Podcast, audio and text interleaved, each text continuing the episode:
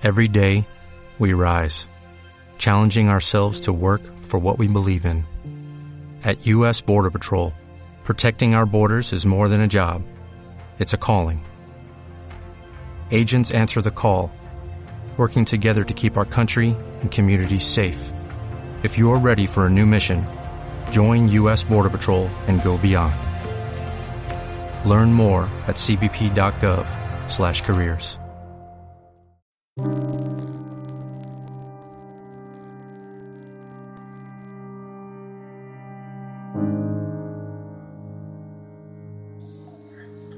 llum encegadora s'escola per l'habitació. Em quedo una estoneta gaudint de l'escalforeta del sol contra la meva pell.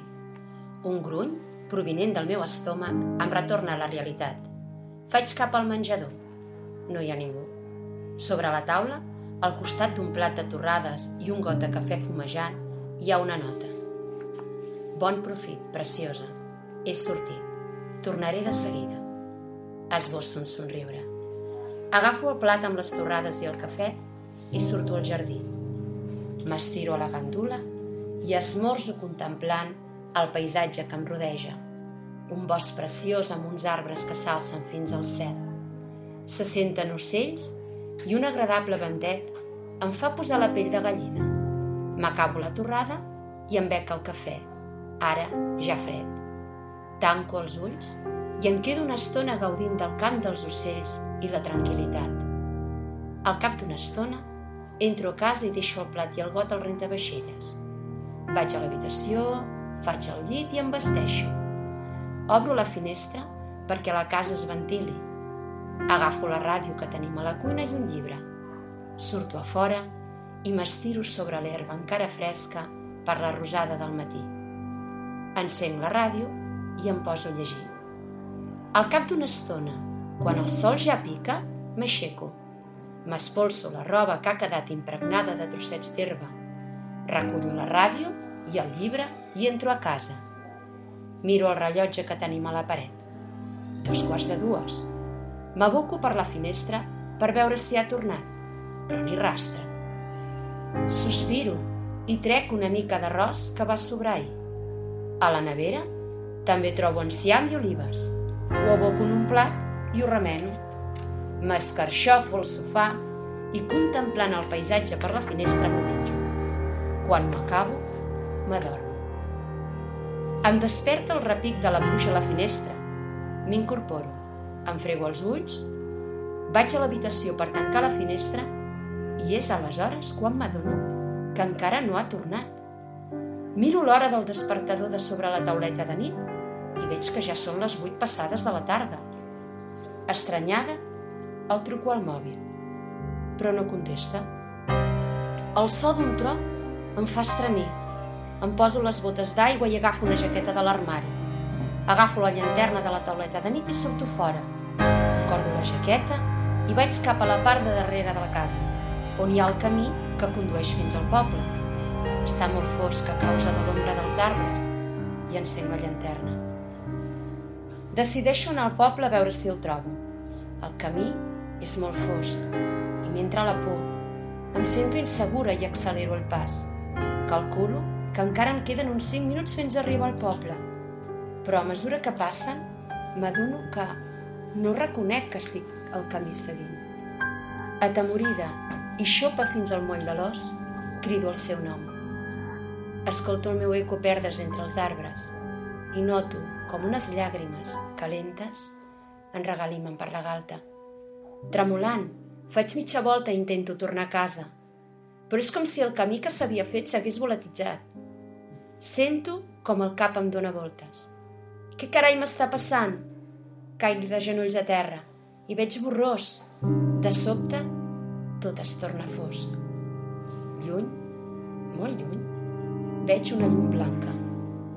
Vull estirar el braç, vull córrer cap a ella, però no em puc moure. Em cauen llàgrimes de la desesperació. Aleshores, com si la llum hagués llegit els meus pensaments, s'apropa a mi. A mesura que s'apropa, sento veus i noto com si em despertés d'un somni molt llarg. Noto que algú m'obre les parpelles.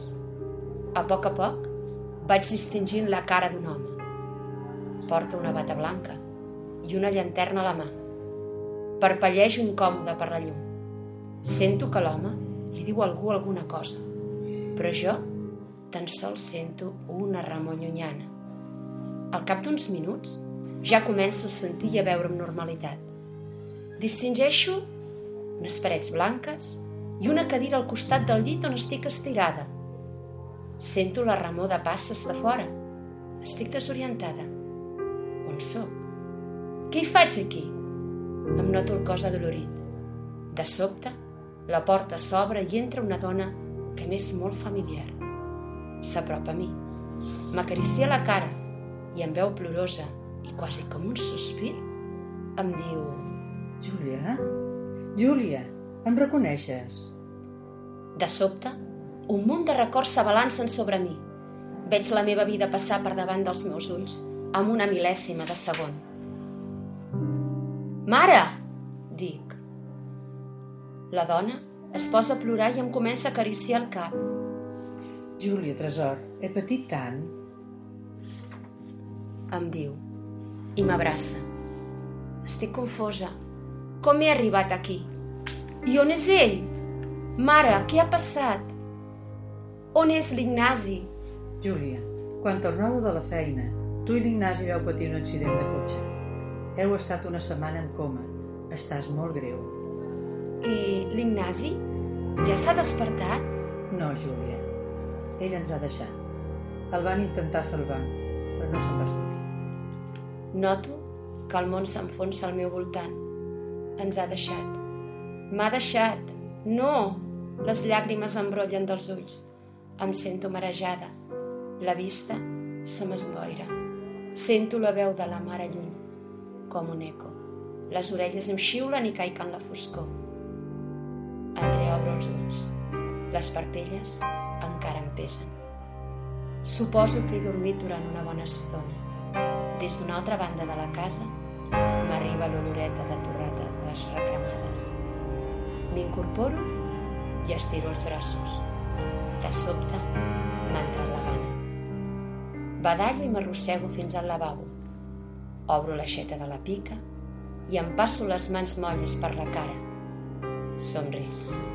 Mica en mica la son va desapareixent. Torno a l'habitació i em poso les sabatilles. Pujo la persiana. Una llum encegadora s'escola per l'habitació. Em quedo una estoneta gaudint de l'escalforeta del sol contra la meva pell. Un gruny, provinent del meu estómac, em retorna a la realitat. Faig cap al menjador, però aquesta vegada esbossa un somriure. L'Ignasi està plantat al mig del menjador. Em somriu. Aleshores, recordo l'accident. Recordo l'hospital i la mare abraçant-me. I ho comprenc tot. No podem tornar, oi? Li pregunto. No, ara ja no, em diu. Agafem les torrades i els cafès. Ens estirem a les gandules i esmorzem contemplant el paisatge que ens rodeja. Un bosc preciós amb uns arbres que s'alcen fins al cel.